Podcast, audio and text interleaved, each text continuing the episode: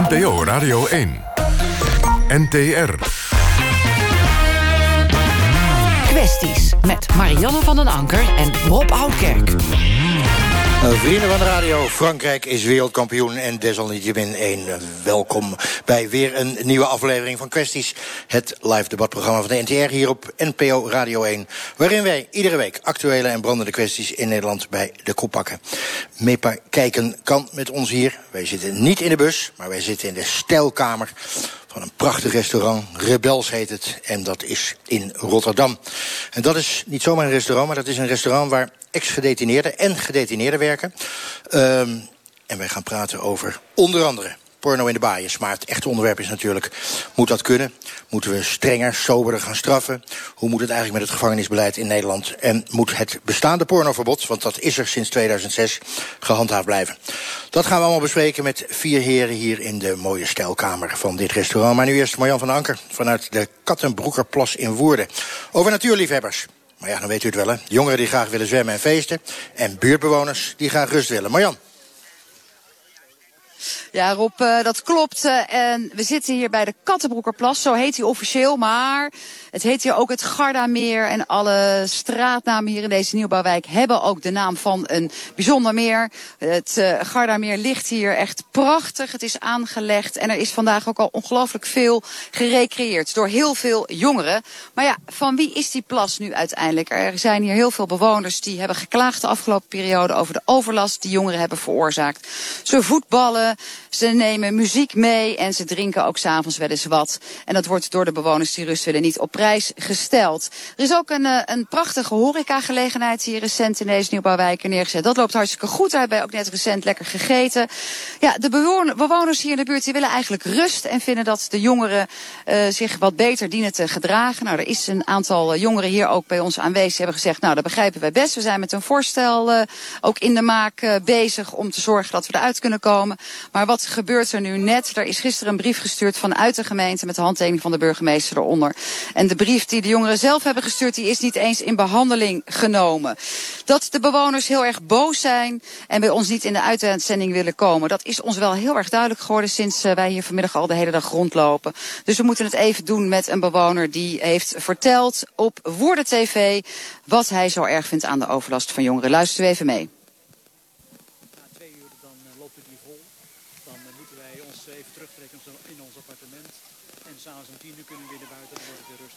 En gebrul en geschreeuw worden. En dat is het probleem. Ze willen boven elkaar uitkomen, de jongelui. En het liefst grote radio's met boosters erop. Ja, dat kan natuurlijk niet in woonwijk.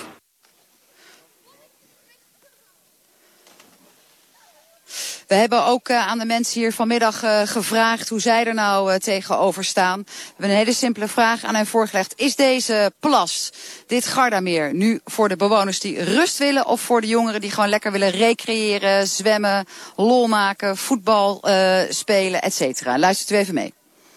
Ik denk toch wel de bewoners, omdat die er wel uh, veel last hebben van vooral, denk ik, uh, het geluid dat wij hier maken. Ja, we doen voor mijn gevoel niks uh, schuldigs.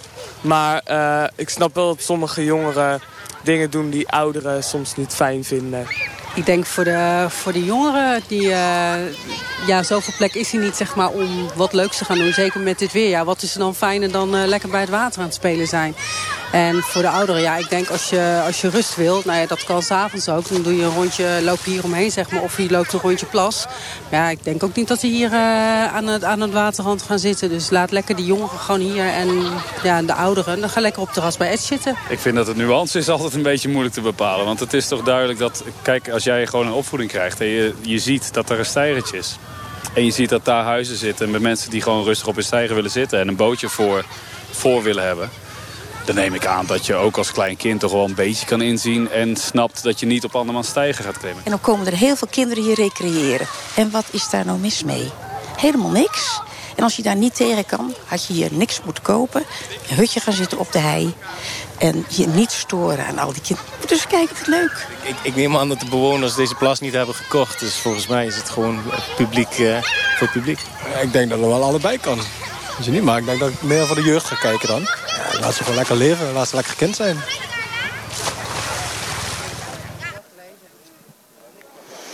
Naast mij Marco Hollemans van het CDA in Woerden en ook onderdeel van de net nieuw gevormde coalitie hier. Dus jullie besturen de stad. Nou, we kijken hier uit over dat befaamde Gardameer. Aan de overkant, daar staan wat containers. Daar moet ook nog iets verrijzen, genaamd de Pretfabriek. Het lokale zwembad wat jullie hadden, dat is er niet meer. Dus deze plas is natuurlijk ook voor u als buurtbewoner een uitkomst, of niet? Nou, dat is het zeker. Het is overigens de Kattenbroekenplas. En uh, ja, deze plas is nadrukkelijk bedoeld niet alleen voor de buurt, maar zelfs om heel Woerden om in te, te recreëren. En hier aan de overkant moet een mooi recreatiegebied uh, komen. Pretfabriek wordt daar een onderdeel van. Maar bedoeling is juist ook een heel groot stuk gras en strand. Uh, waar iedereen uit Woerden naartoe kan om met dit mooie weer te recreëren. Nou bent u zelf ook niet alleen actief in de politiek, maar ook buurtbewoner. Is de overlast zoals die is geformuleerd door een aantal bewoners nou overtrokken? Of zegt u, er is echt wel wat aan de hand? Nou, ik vind het lastig te beoordelen of het overtrokken is. Want ik heb zelf die ervaring niet. Ik woon zelf ietsje verderop. Bij mij voor de deur wordt ook gezwommen. En zwemmen geeft geluid. Maar aan de andere kant, we moeten heel blij zijn. Want we willen dat onze kinderen bewegen. En niet alleen maar zitten te gamen. Nou, is het mooi weer, bewegen ze. Laten we ze daar zeker de ruimte voor geven. En ja, als je er wat last van hebt, spreek elkaar eens aan.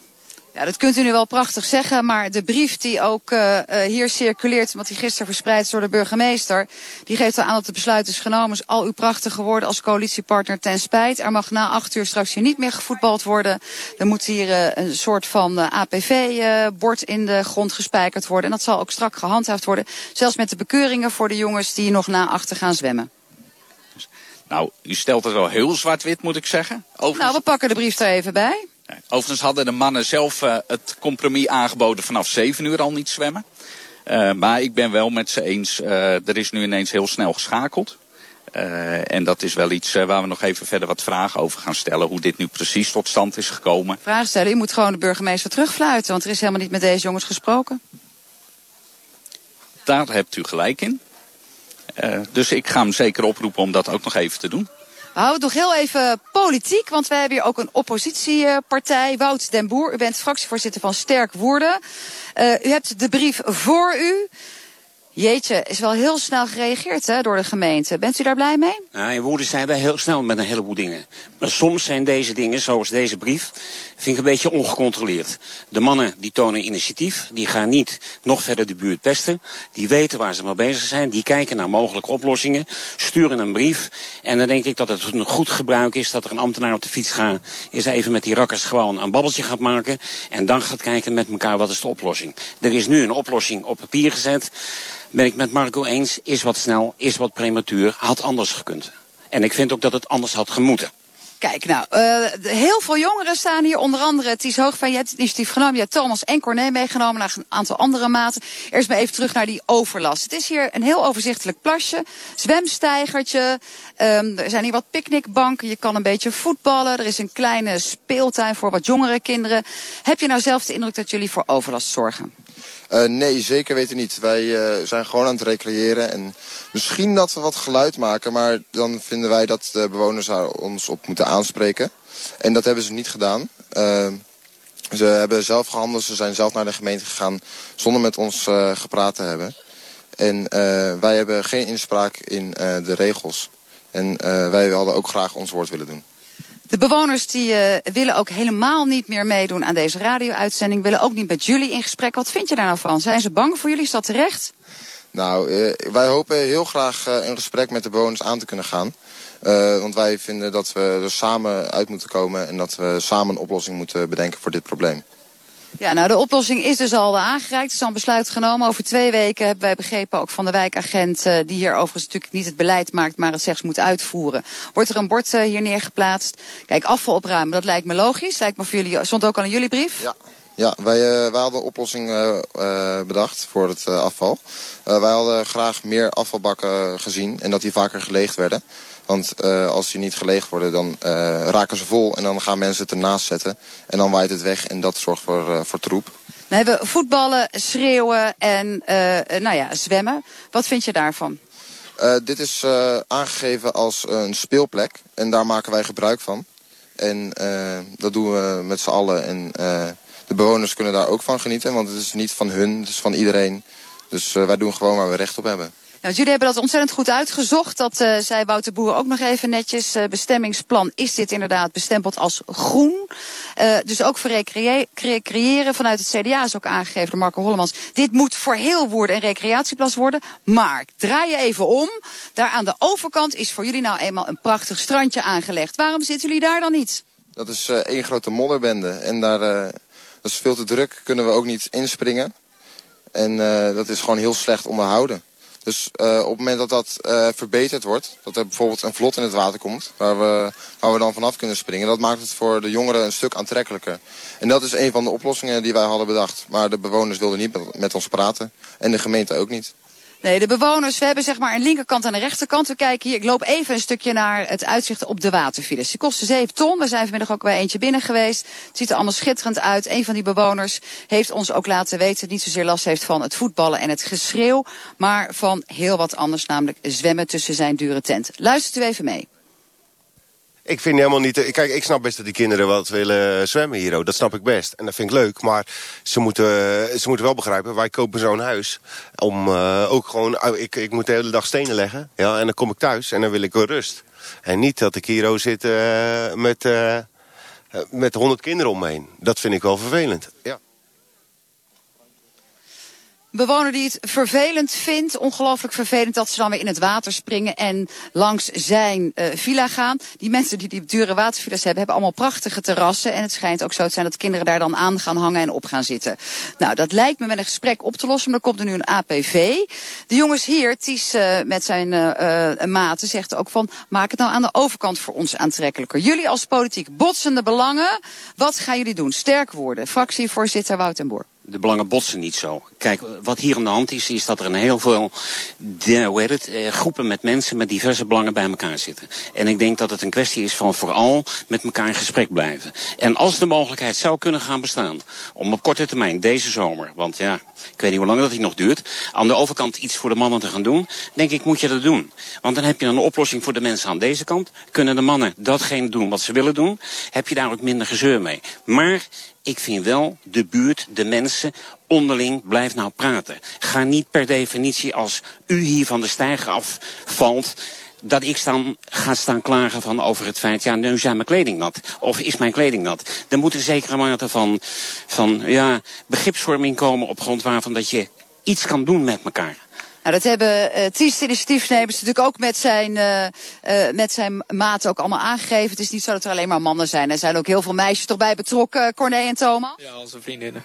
Ja, al jullie vrienden, toch? Uiteraard, ja. ja.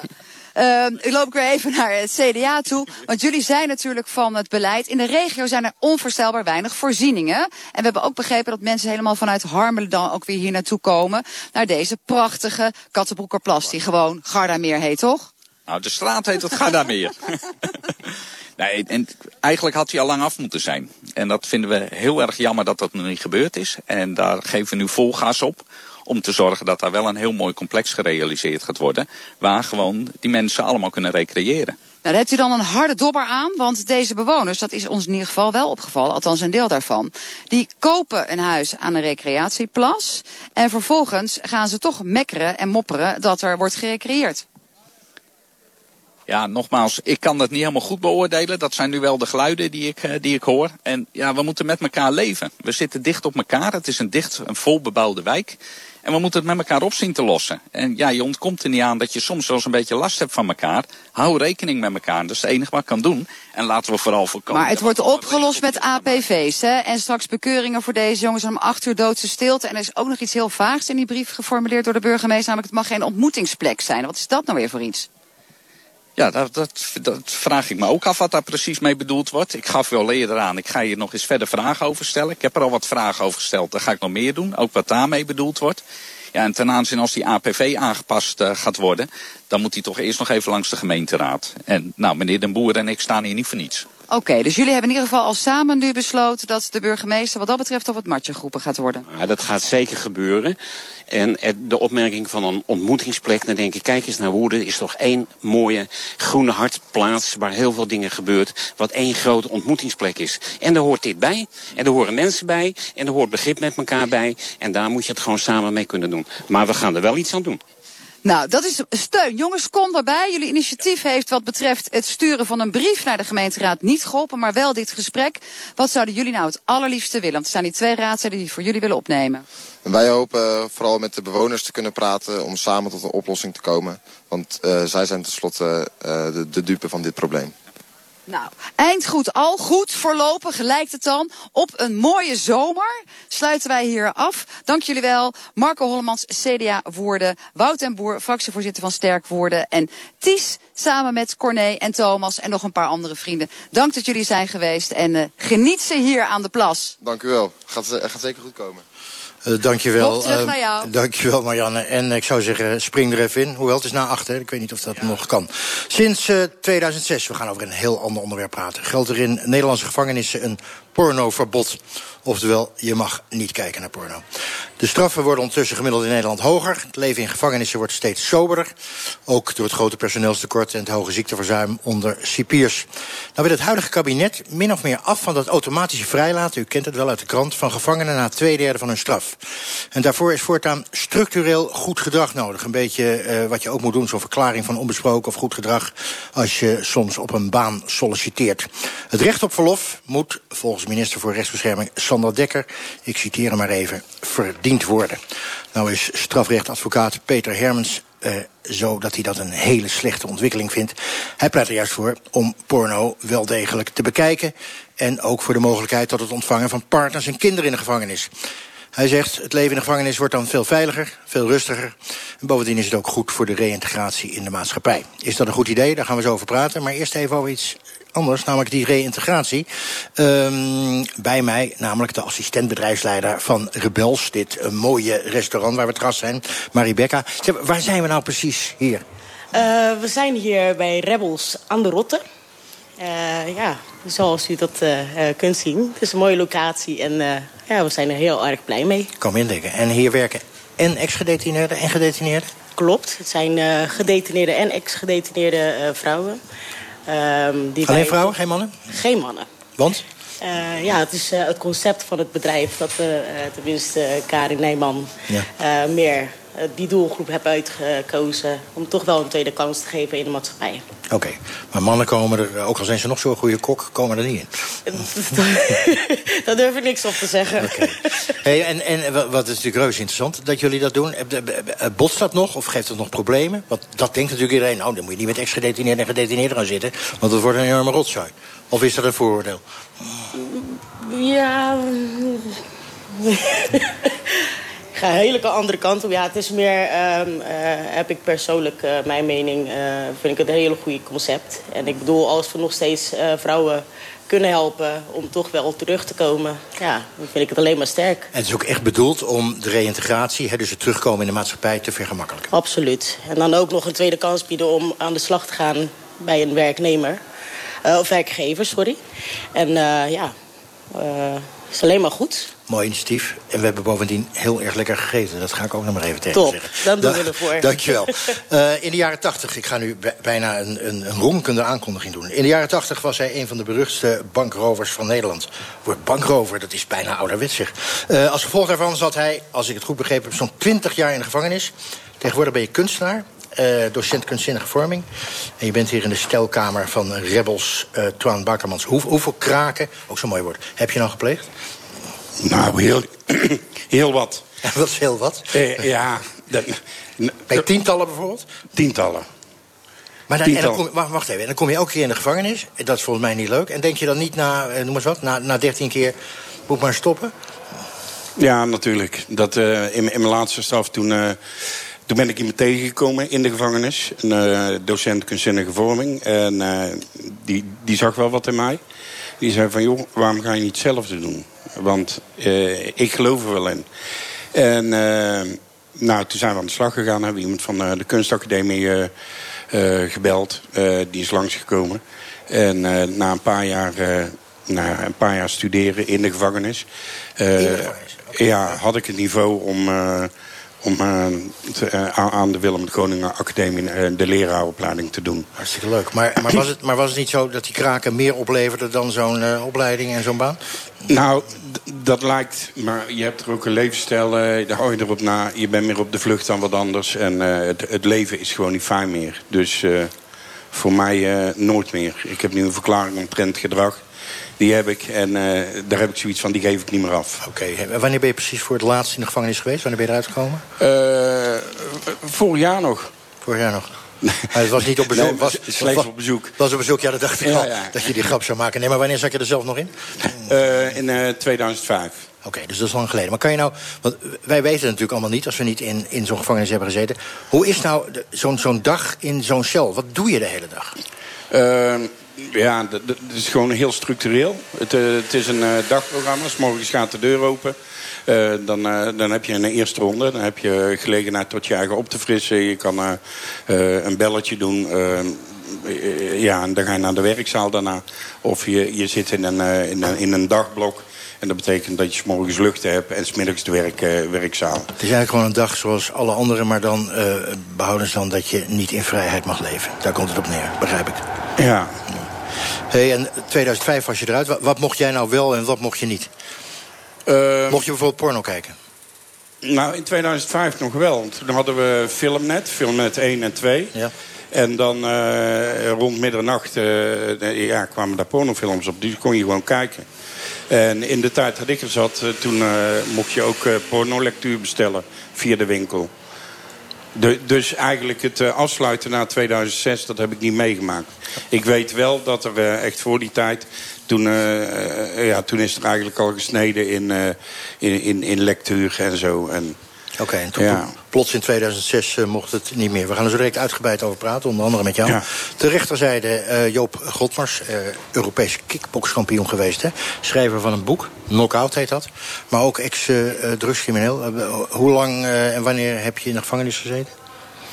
Ik, de eerste keer dat ik de gevangenis... Ja, ik heb regelmatig in de gevangenis gezeten... maar de eerste keer voor een langere tijd was in 85. Was in 85. En wat is langere tijd? Drie jaar. Drie jaar, ruim. Ehm, en toen, daarna, hoe is dat gegaan? Ben je, ben je daar steeds teruggekomen? En hoe komt dat, dat, dat dat je erin terugkomt? Ik hoor jou overigens niet op eh, mijn oor, dus ik ga ook even met de microfoon hengelen. Hoe eh, komt het dat je erin in terugkomt in de gevangenis? Ehm, ja, je komt gewoon in datzelfde circuit kom je terug. En ik was al mijn geld kwijt en ik was boos. Mijn compagnon had me verraden, ik was alles kwijt. En binnen 14 dagen liep ik alweer met een kilo cocaïne onder mijn jas... om die te gaan te verkopen. Dat gaat vanzelf of zo? Dat je, je zegt, je komt terug in dat milieu, noem het maar even... en, en dan kan je er geen weerstand aan bieden. Ehm, je komt er... eh, ik kwam er volgens mij als een beest kwam ik die gevangenis uit. Als een beest? Ja. Eh, ik, ik zeg altijd, mijn vader had van mij gemaakt een meedogenloze vechtmachine. Maar toen dat ik de gevangenis uitkwam, werd ik een meedogenloze crimineel... die nog één ding wilde, nog meer geld verdienen. En in de top van mijn carrière verdiende ik 50.000 gulden per uur. Per uur? Ja, met drugshandel. Niet echt weinig. Oké, je wordt er dus ingetrokken... maar dan komt er dus toch ook een moment dat je denkt, en nou is het klaar. Ja, ja uiteindelijk ehm, werd ik vader. En dat was zo'n wonder. En dat was zoiets moois. En ik vond het, ja, ik, heel mijn wereld stond op zijn kop. En ik dacht van, nu moet ik andere keuzes gaan maken. Ik wil nu, ik wil niet zo'n vader zijn als die ik gehad heb vroeger. Dus ik wilde een betere vader worden dan die ik ooit gehad heb. En toen ben ik voor mijn dochter gaan knokken. Maar dan is het net of je in een soort moeras zit. In die criminele wereld is een soort moeras. Hoe meer, hoe meer dat ik aan het klauteren was om eruit te komen... hoe verder dat ik het moeras in werd getrokken. En uiteindelijk, eh, ja, je komt er gewoon niet uit. Uiteindelijk ben je eruit gekomen. Ja, dat is eh, wel eh, na een zelfmoordpoging op mijn verjaardag. Toen had ik een afscheid genomen. En toen had mijn dochter al een pistool op de hoofdje gehad. En toen hadden ze mij al proberen te vermoorden. En toen was ik er helemaal klaar mee. En toen dacht ik van, mijn dochter is beter af zonder mij dan met mij. En toen, eh, mijn dochter zat ondergedoken in België. Mijn verjaardag kwam eraan. Ik dacht van, hé, hey, Mijn dochter, wat, kan ik, wat is nou mijn verjaardag? Het enige, het, het mooiste cadeau wat ik mijn dochter kan geven... is dat ik er niet meer ben en is mijn dochter weer veilig. En dat is eigenlijk door een wonder is die zelfmoordpoging niet gelukt. Welk wonder? Ja, ik wilde mezelf door mijn hoofd heen schieten om negen uur s morgens. Om half elf zou ik uh, uh, mezelf door mijn hoofd heen schieten. Nee, om negen uur wilde ik mezelf door mijn hoofd heen schieten. Om half elf moest ik kickboxles geven. En ik dacht, daar heb ik helemaal geen zin meer in. En ik sta op punt om mezelf om, door mijn hoofd heen te schieten om negen uur. En ik zei nog, drugs, gefeliciteerd, jij hebt voor mij gewonnen. Melanie, sorry lieve schat, je bent beter af zonder mij dan met mij. En ik wil mijn pistool overhalen en de deurbel gaat. En er stonden al mijn leerlingen voor de deur. Die kwamen mij feliciteren voor mijn verjaardag. Om negen uur dachten ze, hij ligt nog te slapen... en dan gaan we wakker bellen en dan gaan we voor hem zingen. En ik doe de deur open en ik zie zo al mijn leerlingen staan. En die begonnen te zingen. Er is er een jarig hoera. En ik, ja, dat was uh, omkeer in mijn leven. Mooi verhaal. Je denkt, voor je de trekker overhaalt, toch eerst maar even open doen. Dat is misschien wel een mooi moraal. Altijd eerst even open doen voor je iets gaat doen. Jan Bouwman, psycholoog, schrijver. 40 jaar medewerker van het ministerie van Justitie. Tot vorig jaar, hè, begrijp ik. Uh, wat was uw functie daar precies? Uh, mijn functie was uh, psycholoog. Hoor je me? Ja, zeker. Oké. Okay. Mijn functie was psycholoog, maar ik heb daar... bij psycholoog denken mensen, die zitten in een kamertje... en die hoort allerlei hele gevoelige verhalen aan... Zo is het bij mij niet gegaan. Ik heb tientallen verschillende functies gehad. Ik heb de kans gekregen, en dat moet ik wel toegeven... ik heb veel kansen gekregen om uh, overal in gevangenissen rond te lopen... met gedetineerden te spreken, met personeel te spreken... trainingen te doen, uh, rond te kijken, tot, tot vervelend toe... En uh, ook rapporten te schrijven op het hoofdkantoor. Ik heb alle gevangenissen van Nederland gezien. Alle TBS-inrichtingen. Oké, okay, we, kun, we kunnen zeggen... gewerkt. Noem maar op. Je bent een ervaringsdeskundige, maar dan niet zelf erin gezeten, eh, maar eromheen. Nou, nou, Misschien alles bij elkaar dat ik er wel wat langer nog in gezeten heb... dan mijn linkerbuurman. Oké, okay, maar in ieder geval was dat, maar dan als was dat vrijwillig. Ja, ja precies. Vrijwillig. Ja, ik ben hey, nou, betaald. Maar... Nou lees ik het een en ander van je. Dan zeg je honderden gedetineerde criminelen... sprak ik in mijn 40 jaar bij justitie. Zelden zag ik berouw. Als, als ik nou het lees, dan denk ik... je bent nogal negatief over uh, veel criminelen. Klopt dat? Uh, nou, ik zal niet zeggen over de mens als crimineel... maar uh, ik, degene, van degene die ik gesproken heb... heb ik er zeker een paar... Hè, een paar gesproken. En hier zitten er twee aan tafel. Maar ik heb er ook velen gesproken die absoluut geen berouw hadden. Die, uh, ik heb ook in een van mijn functies heb ik, uh, allerlei processen verbaal na moeten kijken. En dan exact wat criminelen deden als ze uh, ergens inbraken... of voordat ze iemand vermoorden of wat dan ook. Van die verhalen, ja daar word je niet, uh, niet lekker van. En zeg jij dan, misschien concludeer ik te veel... maar zeg je dan, het is maar goed dat we in de gevangenis mensen streng aanpakken? Ik heb begrepen dat jij voor, wel voor confronterende methodes bent in gevangenissen. Dus bijvoorbeeld geen porno kijken, minder vrijheid?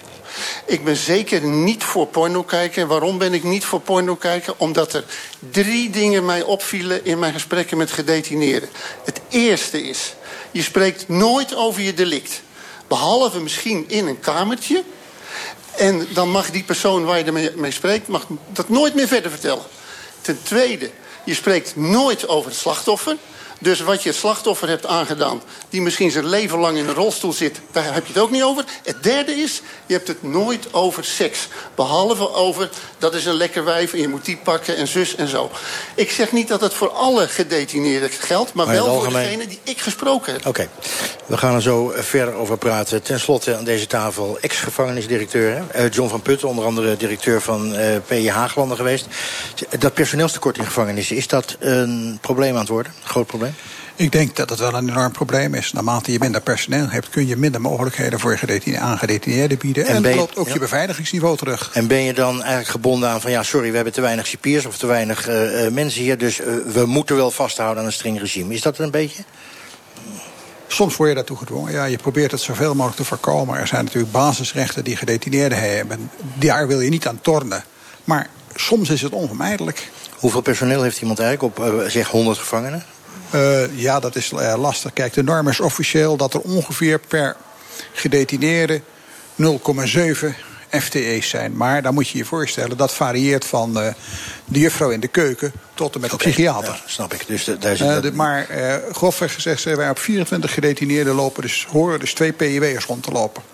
Nou, maar dat is lang niet altijd het geval. Oké, okay, nou lees ik in een zogenaamd medewerkerstevredenheidsonderzoek, heel lang woord, van Justitie en Veiligheid vorig jaar, 2017, onder ruim 6100 personeelleden, lees ik een derde van het gevangenispersoneel werd het afgelopen jaar geslagen, getrapt, bespuugd, vastgegrepen. Ruim een kwart bedreigd, gechanteerd of geïntimideerd. Twee derde uitgescholden, vernederd of getreiterd. En bijna één op de tien cipiers krijgt te maken met seksuele intimidatie. Goedemorgen, dat zijn nare cijfers. Ja, nou weet ik, moet ik eerder bekennen dat ik het, uh, het cijfer voor, laten we zeggen, de feitelijke, het feitelijke geweld. Uh, daar herken ik mij niet in. Ik bedoel, uh, het komt voor, maar niet in die mate dat dus, laten we een kwart van het personeel, want dan hebben we het dan over ongeveer te maken krijgt met echt geweld tegen zichzelf. Het percentage zal wat lager liggen.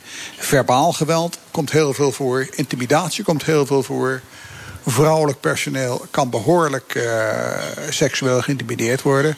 Maar eerlijk is eerlijk, een deel van die seksuele intimidatie komt ook van de collega's. Dat kom je in al dit soort organisaties tegen, of het nou defensie is of uh, politie of uh, het gevangeniswezen. Twan, was dat in jouw, jouw tijd, nou, voor 2005 ook al zo? Uh, ja, dat kwam wel voor. Maar ik denk, als ik deze cijfers hoor, daar, daar schrik ik wel van. Nee, dat, dat, dat, dat is niet in mijn tijd geweest. Uh, ja, het zal verhard zijn in, uh, in de gevangenis. Ik uh, denk dat de maatschappij ook uh, verhardt. En dat het eigenlijk gewoon een logisch gevolg is van alles wat we zien om ons heen. Dat denk ik wel. Ik denk, ik denk ook dat de inhoud, die, die, die, die, de inhoud van de straf... dat die niet helemaal klopt. Dat die anders zou moeten zijn. U heeft nu alle vier van onze gasten gehoord. Het is ruim vijf minuten over half negen. U luistert naar het programma Kwesties. En wij zijn hier te gast in Rotterdam... in een restaurant waar gedetineerde en ex-gedetineerde vrouwen gaan werken en werken in het kader van de integratie. De vraag is, moeten mensen die in de gevangenis zitten... meer bezoek kunnen ontvangen? Bijvoorbeeld een partner. Moet porno kijken weer mogelijk worden? Moeten de verplichte uren op cel minder worden of juist niet? En hoe doen we het in vergelijking tot het buitenland? Daar zijn we altijd goed in in Nederland, het even te vergelijken. Nou, er is een documentairemaker, Ewout Genemans, die reisde langs een hele hoop gevangenissen in de wereld. Onder andere Polen, Mexico, Filipijnen, Curaçao. In de Polen trof hij een, gevangenis, uh, een gevangene die ook in Alphen aan de Rijn, Breda en Amsterdam in de gevangenis had gezeten. Kortom, die reisde ook op die manier de wereld rond. U hoort een fragment van RTL. And, and what's the difference between the prison in the Netherlands and the prison here? Oh my god, man. I sitting on the jail up up on the Amsterdam. I don't know name. Uh, Belmar. Belmar. Fucking beautiful jail, man. Fucking... I thinking I'm hotel, man. I have cards, man. I have TV and on the telephone on the inside there. Fuck, beautiful. Freeze. Fucking shower myself. Everything, you know. And uh, every week, tobacco on the cell where I clean myself. That's that's yes, that's true. That is in fucking hotel. really, man. You'll never, nowhere you don't have like that. Uh, Joop, er wordt eigenlijk gezegd, het is hier in Nederland een hotel. Uh, qua eten, qua faciliteiten. Klopt dat of is dat zwaar overdreven? Uh, nou, ik vind al die faciliteiten, dat hoeft helemaal niet zo'n voordeel te zijn. Ik vind dat ehm, de straf is dat je vrijheid ontnomen wordt. En als je zegt dat het een hotel is, dan moet je zelf dan daar eens gaan zitten. En dan moet je eens kijken hoe het voelt als de deur achter je dicht gaat... zonder dat je hem terug open kunt doen. Mocht jij sporten eigenlijk? Um, ik heb een tijd mogen sporten, maar in beperkingen wilden ze mij ook nog extra straffen om mij niet te laten sporten. Want je was kickbokskampioen, of toen misschien nog geen kampioen, maar in ieder geval, als je dan niet mag sporten, is dat dus en vrijheidsberoving en beroving van hetgene wat je het liefste doet. Ja, het is gewoon proberen om je klein te krijgen. En dat lukte? Mijn hebben ze niet echt uh, klein gekregen in de gevangenis. Laten we even luisteren uh, hoe Martin, wiens zoon is vermoord... denkt over uh, de verblijven van gedetineerden. Als ik de dingetjes die, die, die ik allemaal hoor dan... over het sporten, koelkastjes in de cel, mobieltjes... dan zal dat misschien in sommige gevallen best een beetje overtrokken zijn. Maar het gebeurt wel wordt aangegeven. En dan, ja, er zijn gedetineerden die zitten een paar jaar vast. En die komen daar nog beloond met een, een borstkast van 1 meter breed sportschoolfiguur uh, komen ze eruit. En het hele pornoverhaal is waanzin. En dan ook nog het bezoek, wat ze al vrij hebben. Ja, dan raken vrouwen zwanger in de gevangenis. Dus dan vraag je je af, ja, wat, eh, wat voor gelegenheden krijgen die mensen allemaal? En waar zijn we mee bezig? Dat is toch geen straf als er vrouwen binnen mogen komen en er, en er is seks. En er kan porno gekeken worden. Ja, nee, ik vind dat een beetje, een beetje te ver gaan eigenlijk. Nee, vind dat hele systeem, dat, eh, ja, het, is geen, dat is geen detentie dan. Jan Bouwman, eh, dat is geen detentie dan, zegt hij. Nou, ik hanteer zelf de visie dat je een heel goed onderscheid moet maken tussen straf en andere zaken. En ik denk dat het begrip straf, en daar heeft Martin het ook over. Martin heeft me nog gebeld in de auto. Ik denk dat Martin het daar ook over heeft, nabestaanden, het grote publiek. Ik vind ook heel vaak, en dat zullen mensen misschien van mij merkwaardig vinden... maar dat de straf die er uitgedeeld wordt in onze gevangenissen... soms een beloning is. Nog één dingetje. Ik heb heel vaak mensen gesproken, mannen die het prettig vonden om in de gevangenis te zitten. Die zich daar echt goed voelden. Die daar wilden blijven zelfs. Oké, maar dat is, dat is, de andere kant van het verhaal. Maar nou even naar, maar nou even naar uh, voor ik uh, uh, bij jou kom, John. Ik hoor net zeggen in dat fragment... ja, een vrouw komt zwanger uit de gevangenis. Ja, stel iemand is acht jaar veroordeeld en heeft gewoon een gezin. Um, en hij wil seks met zijn eigen vrouw.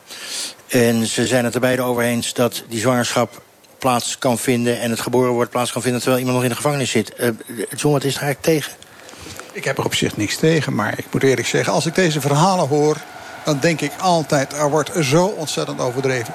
Neem van mij nou maar aan dat er meer mannen gescheiden uit de gevangenis komen... dan dat ze de vader worden. Dat lijkt mij ook. één ding te noemen. Dat lijkt mij ook. Ik, ik geloof dat ongeveer tussen 80% van de relaties gewoon stuk loopt op detentie. Zeker naarmate mensen langer zitten. En ook al die dingen die ze dan zouden mogen... zitten in de bias is voornamelijk in je cel rondhangen. De sporten, ja, je mag één of twee uurtjes in de week sporten op de 168 uur. Je mag 15 uur in de week naar een werkzaal als je geluk hebt. Je mag per dag één uurtje in de buitenlucht verkeren.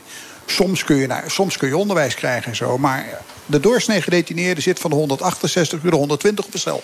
Toch heeft uh, Twan Bakermans, die we hoorden, hè, die is van, laten we maar zeggen, bijna beroepscrimineel, uh, is hij uiteindelijk uh, in de maatschappij terechtgekomen. Prachtige studie gevolgd en die studie heb je in de gevangenis gevolgd, toch?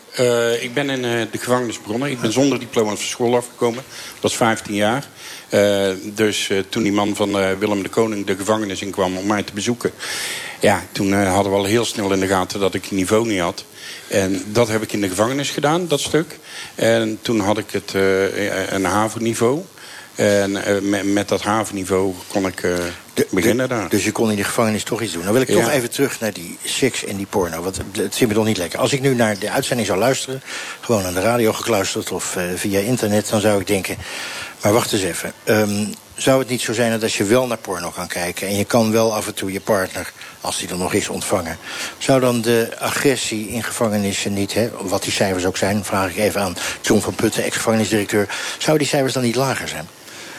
Ik denk dat het nauwelijks van invloed is. Ik geloof, ik heb uh, de porno zien komen in de bias. Ja. En ik heb, hem weer, ik heb de discussie ja, over het verdwijnen weer mee mogen maken. Ik bedoel, ik ben ook geen voorstander van porno. Maar zolang wij het in de maatschappij toestaan... vind ik dat je geen uitzondering mag maken in de gevangenis. Ik geloof niet dat er nou massaal, uh, laten we zo zeggen...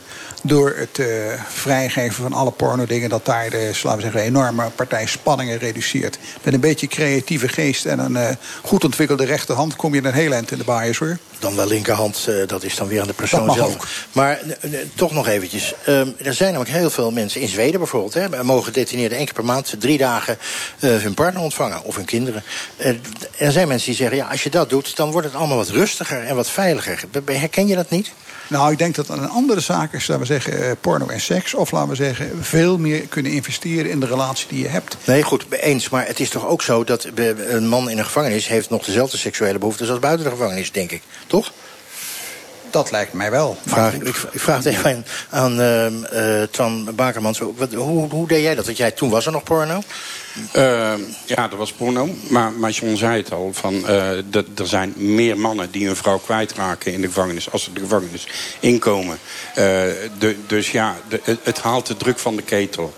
Uh, uh, laat ik dan maar zeggen. De, dus ik ben wel voor. Voor mij mag het. En ze hadden dat nooit af moeten pakken. En... Moet eigenlijk teruggedraaid worden, vind jij? Dat denk ik wel. Ik denk dat er heel veel teruggedraaid moet worden in de gevangenis. Joop Godmars? Ja, ik ben het er toch niet mee eens. Nou, ik wel. Want uh, uh, wanneer, kun je, wanneer kun je nu porno kijken in de baaiers. Stel voor dat je een pornonet hebt waar je een hele dag porno kunt kijken. Maar het is al medisch bewezen dat een half jaar porno kijken verslavender is dan drie maanden cocaïne gebruiken. Ja, dus je komt, eigenlijk kom je dan met een andere verslaving, kom je de baaiers uit. En je weet, in de, in de gevangenis eh, krijg je bolwerken. Ik heb bolwerken van haat om mijn compagnon wat aan te doen. Want je hebt niks anders om aan te denken.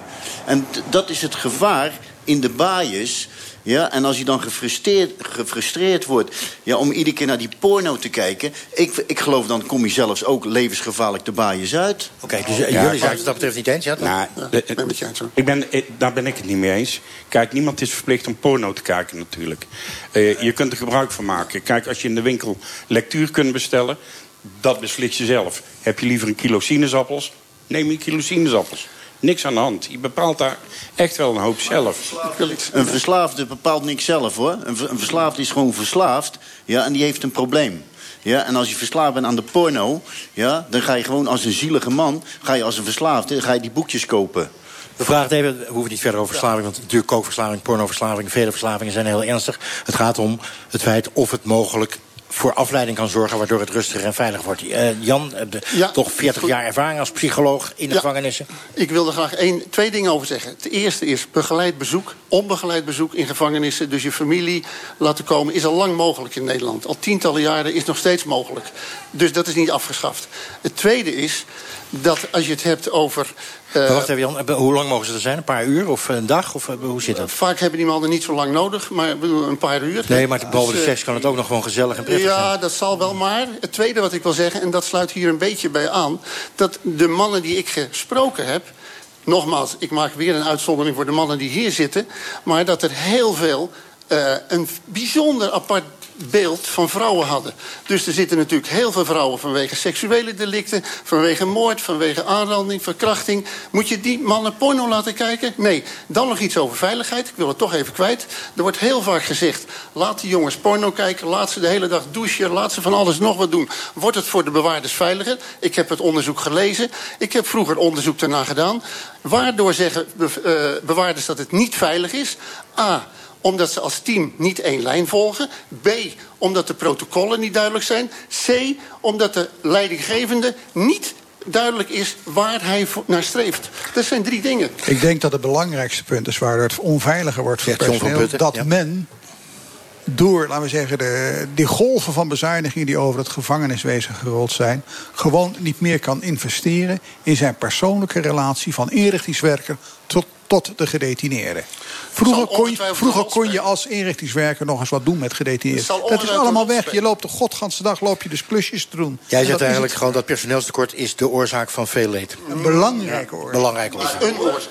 En waardoor dat er oogluikend drugs binnenkomt. Want zodra er te veel drugs op de ring is, is er ook minder spanning op de ring. En dat vind ik gewoon een verkeerde, ja, een verkeerd signaal. Hey, die drugs die moet uit die gevangenis. Daar sluit ik me bij aan, want vroeger werd er gezegd van nou... Jan, ja. Je, de, vroeger werd er gezegd van nou, die, die hash, toen ging het met name over hash... laat dat nou maar een beetje, zijn die jongens lekker rustig. Dat zeiden ze niet formeel, maar dan heb je even geen last van ze. Nou ja, dat is onzin. Als, er on, als het onveilig is, moet je zorgen dat het veilig wordt. Oké, okay, dat, dat is duidelijk. Um, het is 13 minuten voor 9. U luistert naar het programma Kwesties. Wij staan hier niet met de bus, want die bus die is naar de sloop, of wordt misschien verkocht. Maar wij zitten in een restaurant waar ex-gedetineerden en gedetineerden werken. Uh, om te praten over een strenger gevangenissysteem, over bezoekregelingen, over porno en over een tekort aan bewakers. Laten we even luisteren. Ik uh, had het al aan het begin van de uitzending over Peter Hermans. Laten we even luisteren naar het pleidooi van strafrechtadvocaat Peter Hermans voor het recht op porno in de gevangenis. Maar ik hoor net dat we die niet hebben. Dat is jammer, want hij zegt seks en erotiek hoort bij de mens. En Peter Hermans zegt het hoort er gewoon allemaal bij. En jullie hebben toch een beetje met z'n vieren twijfel daarover. Nee. Nee? Ik vind op zich porno is een algemeenheid onwenselijk. Ik zou, maar ik vind als het in de samenleving mag, zie ik geen enkele aanleiding om te zeggen... dan mag het in detentie niet. Maar ik zou het liefst een samenleving zien waar geen porno voor, Oké, maar dat, dat is een andere discussie. Daar zijn we het misschien met z'n allen over eens.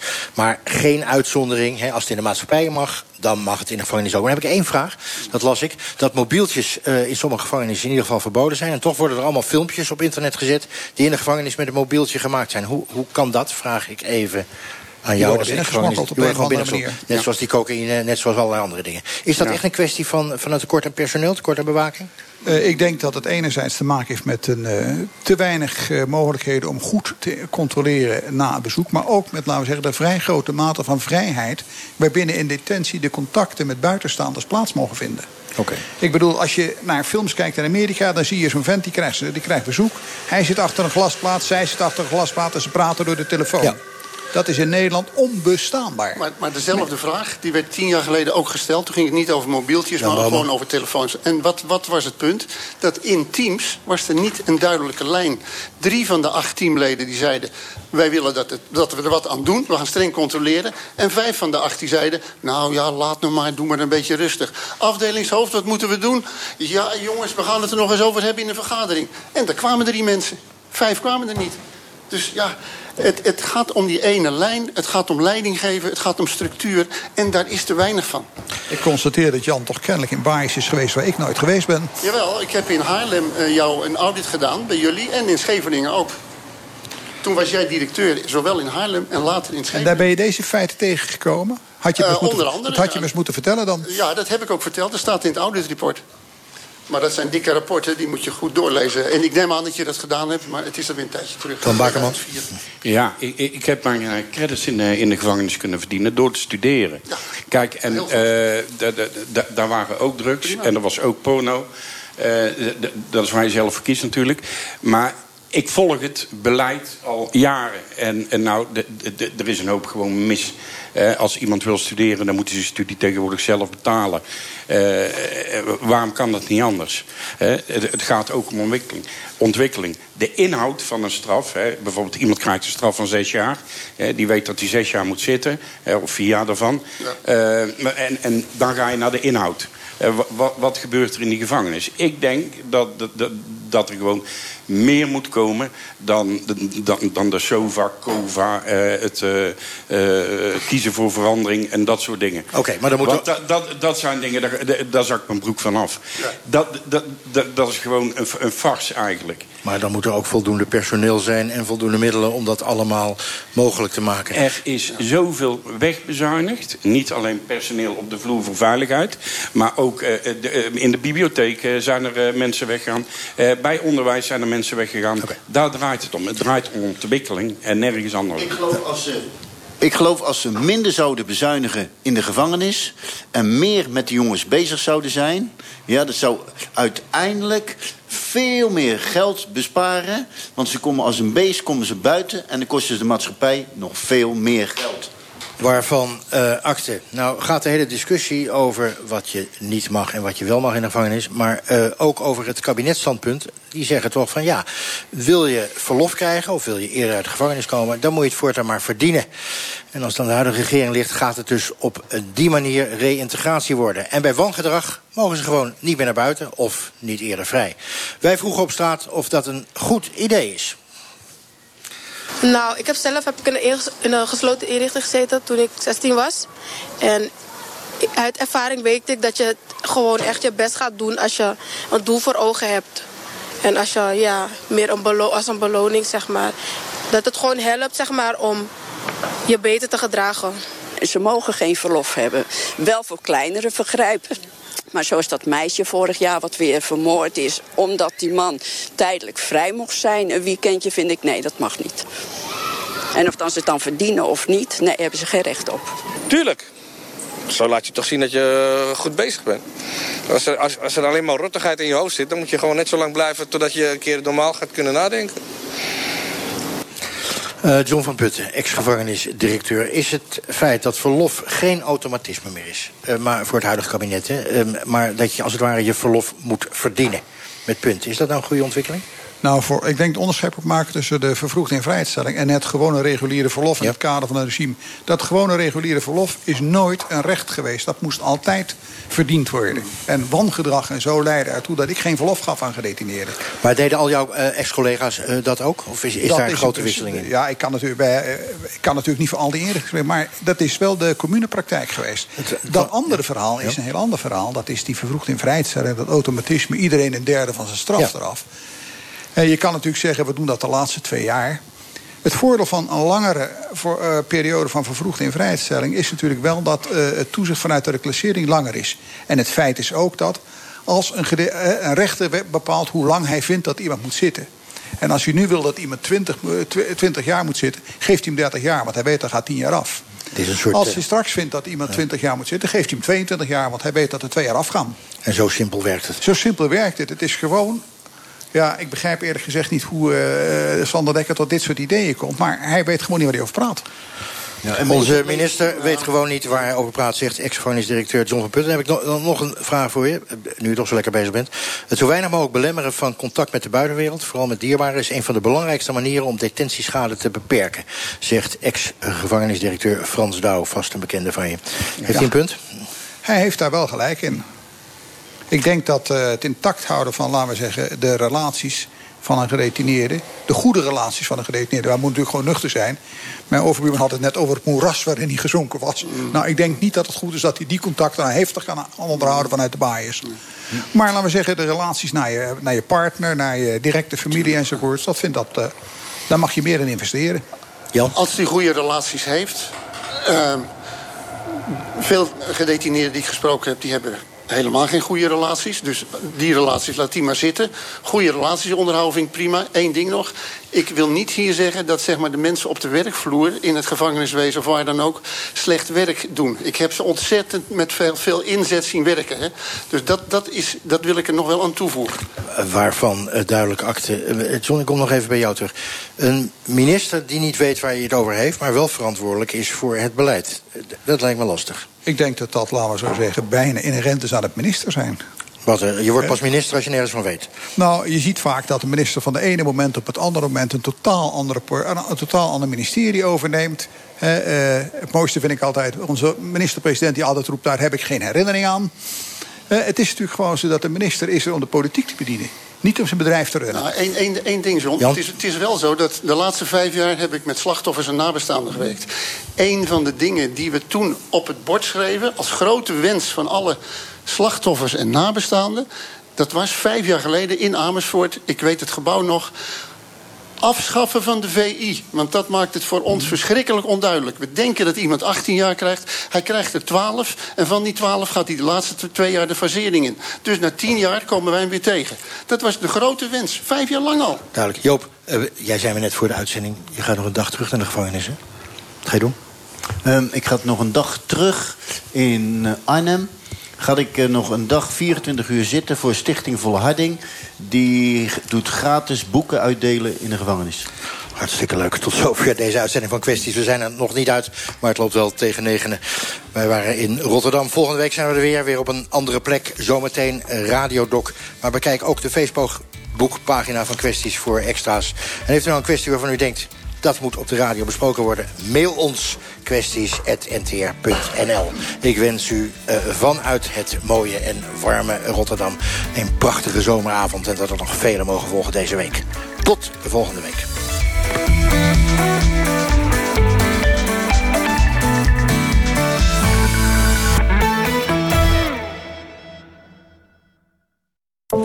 De zomer is begonnen. De vakantie staat voor de deur. Om het nog leuker te maken hebben we een selectie mooie Radio 1-verhalen klaarstaan. Lekker luisteren op het strand, in de hangmat, de auto of gewoon thuis. Ga naar nporadio1.nl slash podcast en haal ze binnen. Een zomers luistercadeautje. De NPO Radio 1 vakantieverhalen. Voor ondernemers is elke dag anders. Kies de reis die daarbij past met de NS Business Card. De zakelijke kaart voor al het openbaar vervoer. Saldo laden is niet nodig. En je ontvangt maandelijks één factuur achteraf. Bestel de NS Business Card nu gratis op ns.nl slash zakelijk. Ook ideaal voor ZZP'ers. Het is de meest geavanceerde machine die we kennen. Het menselijk lichaam. En bij TIM, de internationale school voor fysiotherapie, leer je daar alles over. Hier haal je het uiterste uit je opleiding en uit jezelf. Of je er nu voor kiest om ons programma in vol of deeltijd te volgen. Ga naar tim.nl. T-H-I-M. Tim. Stretch yourself. Ontdek de bedden van Viking. Al drie jaar de beste koop uit Zweden. Ervaar het comfort, de luxe, het vakmanschap. Kom echt tot rust op de unieke drukverlagende bokspring van Viking. Een Vikingbed kies je met je ogen dicht. Misschien was u dit al van plan. Een upgrade naar een Mercedes-Benz. Nou, dit is het moment om dat te doen. Dankzij de Upgrade Editions. Want bij een optiepakket krijgt u nu meer opties voor dezelfde prijs. Uw voordeel kan oplopen tot maar liefst 10.000 euro. Ja, ja, een Mercedes-Benz upgrade is ook echt een upgrade. En nu is er ook nog een update. Onze B, C en E-klasse uit voorraad zijn nu voordelig geprijsd... en beschikbaar met een 1% actierente voor zakelijke rijders. Deze vakantie al in een Mercedes-Benz? Dat kan. Kijk nu voor de acties en voorwaarden op mercedes-benz.nl... of loop snel binnen bij uw Mercedes-dealer. Al drie jaar de beste koop uit Zweden. Meer weten? Kijk op vikingbedden.nl. Wilt u een vaste maandelijkse rente van 5,2% over uw gespaard vermogen? Investeer dan in Meerdervoort Garantiefonds 3. Dat is duurzaam investeren met unieke zekerheid. Interesse? Ga voor meer informatie naar meerdervoort.com. Let op, u belegt buiten AFM-toezicht. Geen vergunning en prospectusplicht voor deze activiteit. Droomt u ook al van een vikingbed? Ga naar vikingbedden.nl voor uw dichtstbijzijnde dealer.